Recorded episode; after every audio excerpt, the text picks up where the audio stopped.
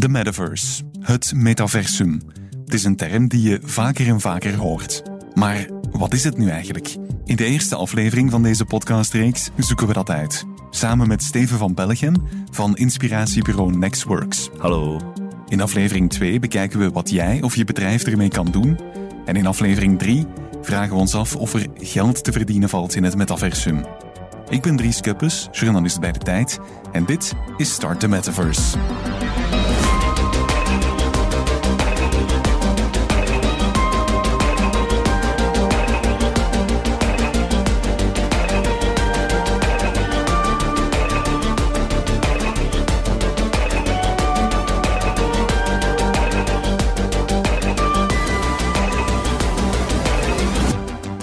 Deze podcast komt tot stand met de gewaardeerde steun van EY. Oké, we beginnen bij het begin. Wat is het metaversum? Dat is meteen de moeilijkste vraag. Want, eerlijk is eerlijk, het metaversum is een beetje een term die heel wat dingen kan betekenen. Dat heeft alles te maken met het feit dat het metaversum eigenlijk nog een work in progress is. Met andere woorden, het is nog niet klaar. Maar mijn collega-journalist hier bij de tijd, Roland Legrand, die heeft er wel al heel wat tijd in doorgebracht. Dag Roland. Dag Dries. Roland, eerst iets heel ja, fundamenteel. Hoe, hoe stap jij het metaversum of, of een metaversum binnen? Hoe, hoe doe je dat eigenlijk en wat heb je daarvoor nodig? Ja, er is dat, eh, dat hangt er eigenlijk vanaf. Soms volstaat een smartphone, bijvoorbeeld voor Rec Room, waar je paintball onder meer eh, kunt spelen. Um, maar vaak heb je toch wel een laptop of een, zelfs een desktop nodig.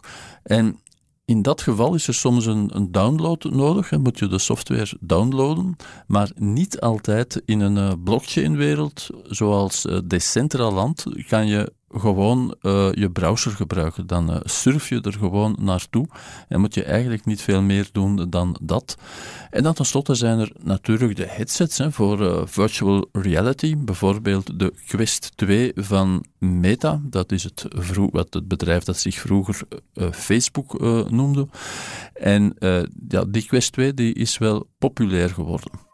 En wat doe jij dan in die digitale werelden, Roland? Ontmoet je daar mensen? Deel je daar ervaringen? Ga je daar naartoe om, om, kennis op te doen? Al die dingen eigenlijk, uh, maar gewoonweg fuiven bijvoorbeeld. Ik heb uh, ook uh, fijne dansparties bijgewoond in een virtuele wereld die Sansar uh, heet. En dan nadien, na het dansen, mijn avatar danste toch, ehm, met mensen gebabbeld aan een virtuele bar. Ja, je hoort het. Als je met iemand praat over het metaversum, dan vliegen de technologische termen je om de oren. Gelukkig heb ik hier Steven van Belgium van Nextworks in de studio zitten. Dag Steven. Dag Dries. Steven, jij bent voor deze podcast onze Mr. Metaverse. um, en je hebt voor ons drie termen meegebracht die je moet kennen om het metaversum te begrijpen. De eerste die je hebt meegebracht is NFT. Wat is dat? NFT staat voor Non-Fungible Token. En dat betekent eigenlijk heel simpel gezegd dat je vandaag iets kan kopen dat virtueel is. Een, een virtuele tekening, een virtueel kunstwerk, een virtueel huis. En dat je daar zwart op wit kunt van bewijzen dat jij de eigenaar bent. De NFT is eigenlijk een soort eigendomsbewijs dat jij kan gebruiken om dat te tonen aan de wereld. En die NFT ja, is eigenlijk gelinkt aan de blockchain. Dat is het tweede begrip dat je hebt meegebracht, hè? blockchain. Ja, blockchain is de, de basistechnologie eigenlijk voor de volgende fase van het internet waarbij transacties um, op een heel betrouwbare wijze kunnen worden geverifieerd en worden aangegaan met elkaar. Heel simpel gezegd, Dries, kan je, kan je blockchain vergelijken met een heel grote Excel-sheet. En elke keer als er een transactie gebeurt, dan wordt er een lijntje bijgeschreven op die Excel-sheet. En die Excel-sheet wordt uh, bewaard op duizenden computers, die allemaal tegelijk controleren wat daarop gebeurt. En het grote voordeel daarvan is, als iemand zou zeggen, ik ga dat vervalsen, dan kan dat niet, want die, dan zien al die duizenden anderen van, hey, hier is iets aangepast. En dan gaan ze zeggen van, dit klopt niet. Dus het, het gedecentraliseerde aspect van de blockchain zorgt eigenlijk voor een enorme veiligheid van die transacties. Een andere term die ik vaak zie voorbij komen en waarbij ik ook vaak even de wenkbrauwen frons, is Web3. Wat is dat precies? Ja, dat, dat is de hype-term eh, van, van het moment. Hè. is, het is eigenlijk een nieuwe fase van het internet dat we ingaan. Uh, als het internet begon, dan was dat Web 1. En dat ging eigenlijk vooral over websites waar wij dingen konden lezen. Dat was het. En dan ja, rond 2006, 2007 is eigenlijk de hype van Web 2 gestart. En dat was volledig gelinkt aan de opkomst ook van sociale media. Waarbij wij als internetgebruikers de mogelijkheid kregen ook om zelf bij te dragen. Op TripAdvisor konden we plots reviews schrijven. Op Facebook en op YouTube konden we plots onze content uploaden. Dat was Web 2, het, het internet waar wij content konden delen. Web 3 gaat, wat mij betreft, vooral over ownership, eigendomsrechten, gaat over transacties, gaat over contracten die tussen mensen of tussen partijen worden afgesloten en die geverifieerd worden door die blockchain-technologie waar we het net over gehad hebben. Oké, en met die woordenschat op zak, eh, Steven, dan zijn we nu klaar om het metaversum echt te gaan ontdekken. Oké.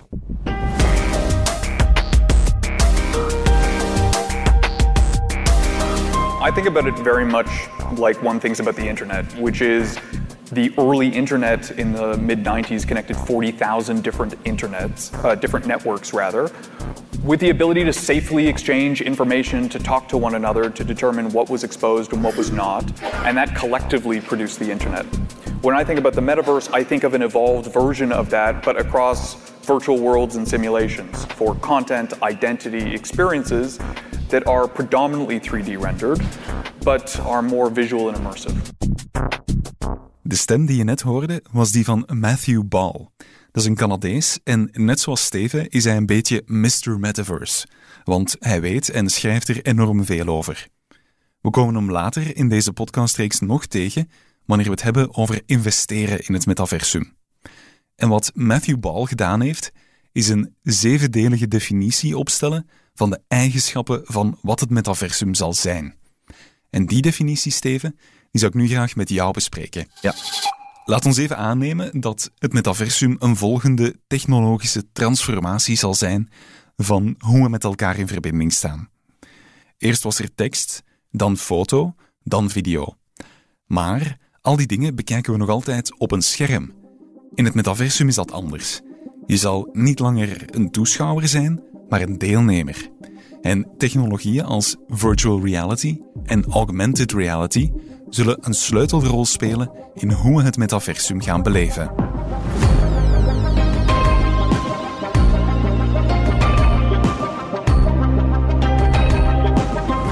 Alright, Steven, we vliegen erin. Ik ga Matthew Ball's zevendelige definitie van het metaversum op jou afvuren. En jij gaat mij dan vertellen wat ik jou eigenlijk aan het zeggen ben. Ja. Um, het eerste punt uit zijn definitie is: het metaversum zal persistent zijn. Wat betekent dat?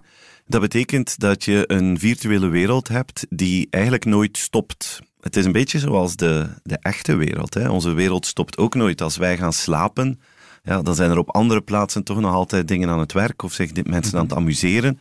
Hetzelfde gaat gebeuren in, uh, in de metaverse, dat er ja, altijd iets aan de hand is, ook als jij er niet bent. Dus het, het is niet zoals een computergame dat je speelt en dan stop jij individueel. Het is zoals een computergame waar dat er altijd van alles aan het, aan het gebeuren is. En of dat je daar nu bent of niet, dat maakt eigenlijk niet uit. Dus dat betekent dat je dingen kunt missen. Dat betekent dat je zal moeten beslissen, ik ga daar naartoe of niet. Um, net zoals eigenlijk dat je in het echte leven doet. Je maakt je keuzes, maar dan op het virtuele platform. En dan komen we eigenlijk heel uh, logisch uit bij het tweede deel van zijn definitie. Het metaversum zal live zijn en plaatsvinden in real time.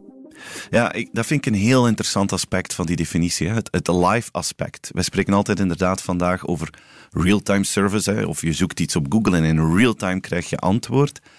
Live is een heel ander gebeuren. Live betekent dat het uh, aan het gebeuren is. Net zoals wij nu met elkaar praten. Ja, wij zitten hier bij elkaar. Het is aan het gebeuren. En daar ben je bij of daar ben je niet bij. Dus het is eh, vandaag op tv kijken wij vaak uitgesteld. Maar in de metaverse ga je vaak concerten hebben, zoals dat je ook in de echte wereld hebt. Ja, en daar moet je live bij zijn, zij het dan in je virtuele wereld. En dat is wel een, een, een hele fijne, want Mark Zuckerberg heeft in 2016 al gezegd: um, virtual reality, metaverse, um, zal waarschijnlijk het meest sociale platform worden.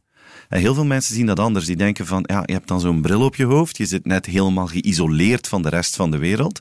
Maar vandaag al is het heel duidelijk dat het live samen beleven met vrienden in een metaverse een van de populairste dingen is. We gaan samen naar een film kijken. We gaan samen naar een sportwedstrijd kijken met vrienden van over heel de wereld, maar je zit als het ware naast elkaar. Dus jij beslist om daar live bij te zijn op dat moment. Het derde deel van de definitie is: in het metaversum is iedereen tegelijkertijd welkom en iedereen zal een eigen aanwezigheid hebben. Ja, in, in, in de metaverse gaan we een, een, een soort tweede leven bijna krijgen. Hè? Het, eh, een avatar noemt men dat dan, je eigen mhm. digitale persoonlijkheid die je ook zelf gaat vorm kunnen geven. Dus jij gaat zelf kunnen beslissen, hoe zie ik eruit? Is dat hetzelfde? Ga je min of meer zal hetzelfde Zal hij eruit zien zoals ik eruit zie? Of ja? hopelijk beter? Maken we een kleine verbetering? Of zijn we zo als het ventje dat je op je, op je iPhone ook kunt maken, hè? Dat, dat je probeert te lijken op jezelf?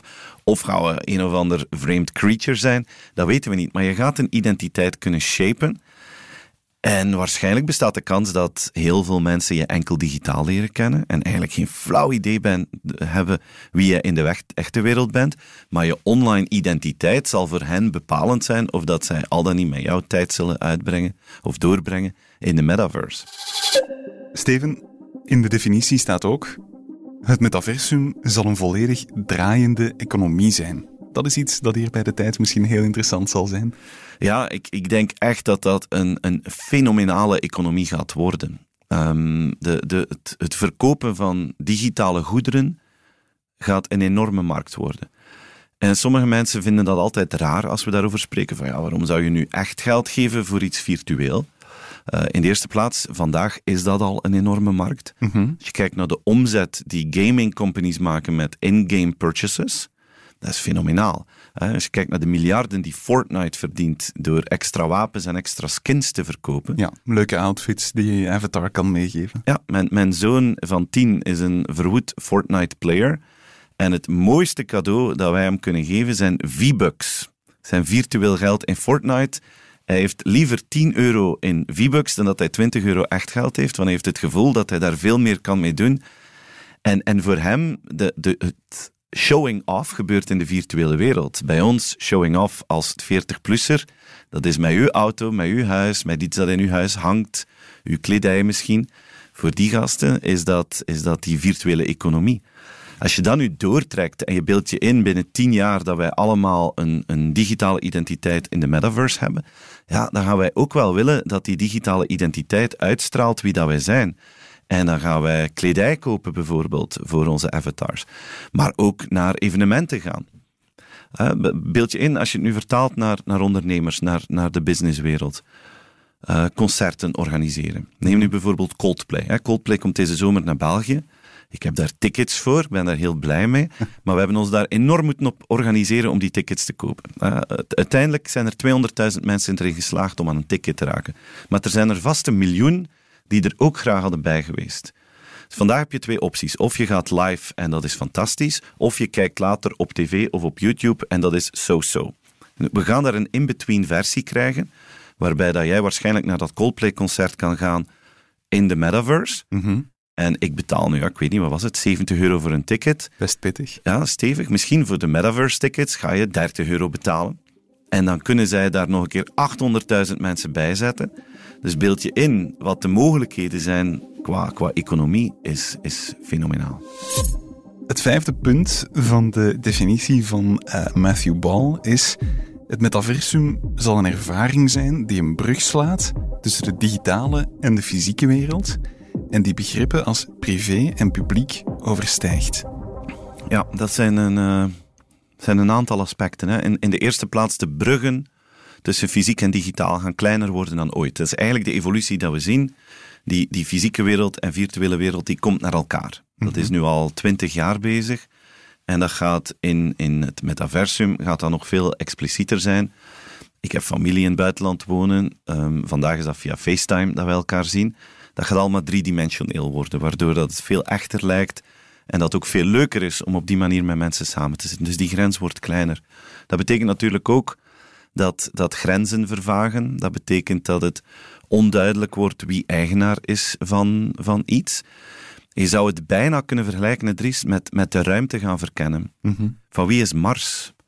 Ehm, de Amerikanen zijn op de maan geweest, maar van wie is de maan? Als je virtuele werelden maakt, ja, wie, wie is daar de baas van? Wie is, wie is de baas van een nieuwe virtuele wereld die wij samen maken en dat mensen van alles gaan doen? Dus wat eigenlijk de theorie is, die wij allemaal hopen dat gaat uitkomen, is dat de baas de community zal zijn. En dat eigenlijk de mensen die daar komen, dat zij ook de regels gaan bepalen. Dat is opnieuw dat stukje decentralisatie. De vorige, daarnet heb ik dat uitgelegd op basis van computers die verspreid staan. Ja. Maar decentralisatie van macht betekent ook dat meer en meer mensen iets in de pap te brokken hebben en iets kunnen gaan beslissen. Je zou je kunnen inbeelden dat de early community, de eerste ontdekkingsreizigers die zo'n digitale wereld ontdekken, dat die ook bepalen wat daar de regels zijn. Maar je kan je inbeelden dat, dat voor- ay, de overheid heeft nu al moeite om Uber of Facebook onder controle te Ja. gaan houden. Beeld u in wat dat, dat allemaal kan, kan betekenen qua regularisatie. Dat is een, een kluwen dat we ons nu nog niet kunnen voorstellen. Dan is het volgende deel van de definitie misschien wel heel belangrijk. Het metaversum zal, en ik heb even moeten oefenen op de uitspraak, interoperabiliteit van data en gegevens kennen. Ja, dat vind ik ook een hele leuke. Eh, vandaag zitten we in een wereld, dat noemen ze walled gardens. Hè? Dus je, je data staat op LinkedIn en dan verander je van werk. En dan moet je dus overal dat ook nog een keer, als je dat wil, gaan aanpassen. Het zou veel makkelijker zijn dat je eigenlijk zegt, ik ben veranderd van werk en overal waar jij dat wil, wordt dat meteen aangepast. Of je bent verhuisd en overal wordt dat aangepast. Vandaag gebeurt dat niet. Wat gaat het grote verschil zijn in de Web3-wereld die nu in theorie beschreven wordt, ehm, is dat je bijvoorbeeld niet meer inlogt met je Facebook-account of met je LinkedIn-account, maar dat je digitale wallet, noemen we dat dan, eigenlijk het centrale deel wordt van je bestaan in die digitale wereld. En wat is zo'n digitale wallet? Dat is eigenlijk een soort kluis, zou je dat kunnen omschrijven, waarin je identiteit zit, waar je cryptocurrencies zitten, waar je heel je outfits van kledij van al je avatars zitten, maar waar ook al je data in zit. En dit is iets waar ik heel sterk in geloof, dat het tijdperk van makkelijk data verzamelen door bedrijven over consumenten, dat dat op zijn laatste benen aan het lopen is. Dat klinkt als goed nieuws. Ja, va- vandaag hebben wij geen idee wat er gebeurt met onze data. Hè. Eh, We weten dat er van alles gebeurt, maar de macht zit eigenlijk bij de bedrijven. In theorie, die macht zou terug naar de consument moeten komen. Want wij zijn eigenaar van onze eigen data. Het moment dat data gestockeerd wordt in je wallet, eh, dan ga jij eigenlijk als beheerder van die wallet kunnen zeggen, ah, aan dit bedrijf, ja, die vertrouw ik niet, daar geef ik heel weinig data aan. Aan die, geen probleem, die bieden waarde, daar geef ik het aan. Of ik solliciteer, ik ga eens kijken wat dat er op mijn profiel staat, dit mogen ze weten, dit mogen ze zeker niet weten. Maar waarbij jij die controle krijgt, want het zit bij jou. En overal waar je naartoe gaat, log jij in of maak jij je bekend via die wallet. En dan kan je zelfs naar een systeem gaan dat jij je identiteit kan bewijzen, zonder dat iemand je identiteit hoeft te kennen. En op dat moment ja, zit je in een wereld waarbij dat de macht volledig terugkomt bij de consument. En dat denk ik gaat een heel grote verandering zijn in de komende tijd. Zelfs al zijn er nu mensen die zeggen van ja, ik geloof niet in die crypto-wereld, ik geloof niet in die metaverse. Dat deel van die data en de macht dat terugkomt naar de consument, dat gaan we volgens mij 100% zeker zien gebeuren en zal heel de manier van werken tussen consumenten en bedrijven op digitaal vlak echt fundamenteel op zijn kop zetten. Het laatste stukje van de definitie is misschien een heel positieve noot. De content en ervaringen in het metaversum zullen gemaakt worden door een immense community aan mensen en bedrijven. Net als in de echte wereld. Ja, ik ben het daar volledig mee eens. Ehm, vandaag heb je dat eigenlijk al in 2D. Hè. Wij maken video's, wij posten die op Instagram, wij maken foto's op Facebook. Je hebt echt eh, hele economieën van, van content creators ondertussen. En dat gaat enkel laagdrempeliger en aantrekkelijker worden. Ehm, zeker omdat die ervaring mooier gaat worden. Je gaat van 2D naar 3D, dus je zit in die experience. Ehm, en er zit die economie achter, waar we het net hebben besproken. En dat denk ik gaat wel een heel, heel boeiend iets zijn. Ik denk dat er vandaag heel veel jonge mensen ehm, in die richting gaan evolueren en onderzoeken wat zijn eigenlijk mogelijkheden om te gaan ondernemen in die wereld. En van, dat zal een grote impact hebben op de arbeidsmarkt. En nu klinkt dat zoiets als, oh, ze gaan een beetje content creëren, maar ik denk dat daar hele economieën gaan ontstaan. Vandaag is, is een van de grootste woorden dat je veel hoort, the great resignation. Ja, ik ging het net vragen. Gaan we arbeidskrachten tekort hebben in de, in de echte wereld, omdat er zoveel mensen aan de slag zijn in de, in de digitale? Zonder enige twijfel. Het is nu al volop bezig. Als je kijkt naar de States, hè, Great Resignation, ze hebben meer mensen die verdwijnen uit de arbeidsmarkt dan ooit tevoren. Mensen waar zijn die allemaal naartoe? De realiteit is dat mensen veel meer opties hebben dan ooit tevoren. Mm digitaal kun je dingen maken en verkopen via de NFT's. Je kan een influencer worden, je kan uh, nieuwe businessmodellen gaan creëren, puur online. Vaak zijn dat inkomens die niet zo hoog zijn als vandaag in de echte wereld. Je hebt uitzonderingen, maar de meeste mensen verdienen daar eigenlijk wat dat ze nodig hebben om rond te komen. Maar we komen in een tijd dat heel veel jonge mensen geen zin meer gaan hebben om voor een klassiek bedrijf te gaan werken. Ja, zich afvragend waar ben ik eigenlijk hele dagen mee bezig. Terwijl als ze hun passie hebben en ze kunnen daar iets mee doen in die online wereld, ja, dan hebben ze een leven dat eigenlijk in hun optiek veel interessanter en veel aangenamer is. En die toename van opties voor mensen gaat ervoor zorgen dat het heel veel moeilijker wordt om mensen te vinden voor heel veel banen die we heel hard nodig hebben. Dus het, de, de stijging daar gaat er eigenlijk voor zorgen dat in de echte wereld bedrijven veel ernstiger gaan moeten nadenken over hun purpose, veel sterker over hun visie. Wat is ons bijdrage aan de wereld om aantrekkelijk genoeg te zijn als alternatief voor die digitale economieën. Daar ben ik van overtuigd. Alright, Henry, bedankt Steven voor je toelichting.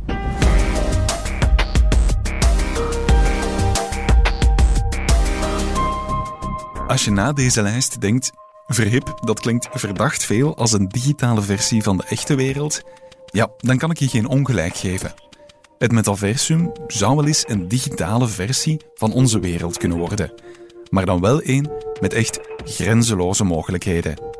Mijn collega Roland Legrand, die je in het begin van deze aflevering al hoorde, blijft erdoor gefascineerd. Roland, wat maakt het metaversum voor jou zo aantrekkelijk? Ja, ik denk fundamenteel is er dat gevoel van eenzelfde ruimte te delen met anderen, waar dat die anderen zich ook bevinden op de planeet.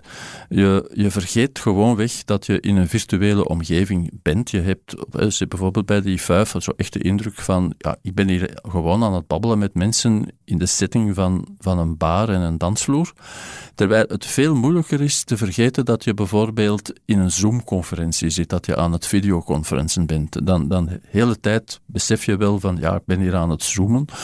En dat, ja, dat, die soort van suspension of disbelief, uh, dat, uh, dat heb je toch wel sneller in een echte VR-omgeving. Heb jij misschien nog een, een, een soort van tip voor uh, mensen die hun eerste stappen zetten in het metaversum? Uh, absoluut. Uh, ik zou zeggen, neem je tijd. Het is heel vaak alsof dat je in een vreemde stad komt waar dat je nul research hebt over gedaan. En je staat daar en je denkt van, ja, wat doe ik hier nu? Er is hier niks te zien. of, of het lijkt mij allemaal één grote chaos. Dus neem je tijd om, om je toch wat te informeren. Spreek mensen aan. Dat, dat kan je in zo'n virtuele wereld. En, en gun het allemaal wat tijd om uit te vinden wat voor leuke dingen dat er uh, te doen zijn. Dit was de eerste aflevering van onze Start the Metaverse podcast. In de volgende kijken we naar wat de mogelijkheden van het metaversum zouden kunnen zijn voor jou of jouw bedrijf. Kort gezegd, wat je er nu eigenlijk mee kan doen. Abonneer je gerust op deze podcast. Dat kan waar je je podcasts ook haalt. En je vindt daar ook heel wat andere podcasts van de tijd. Tot in de volgende aflevering.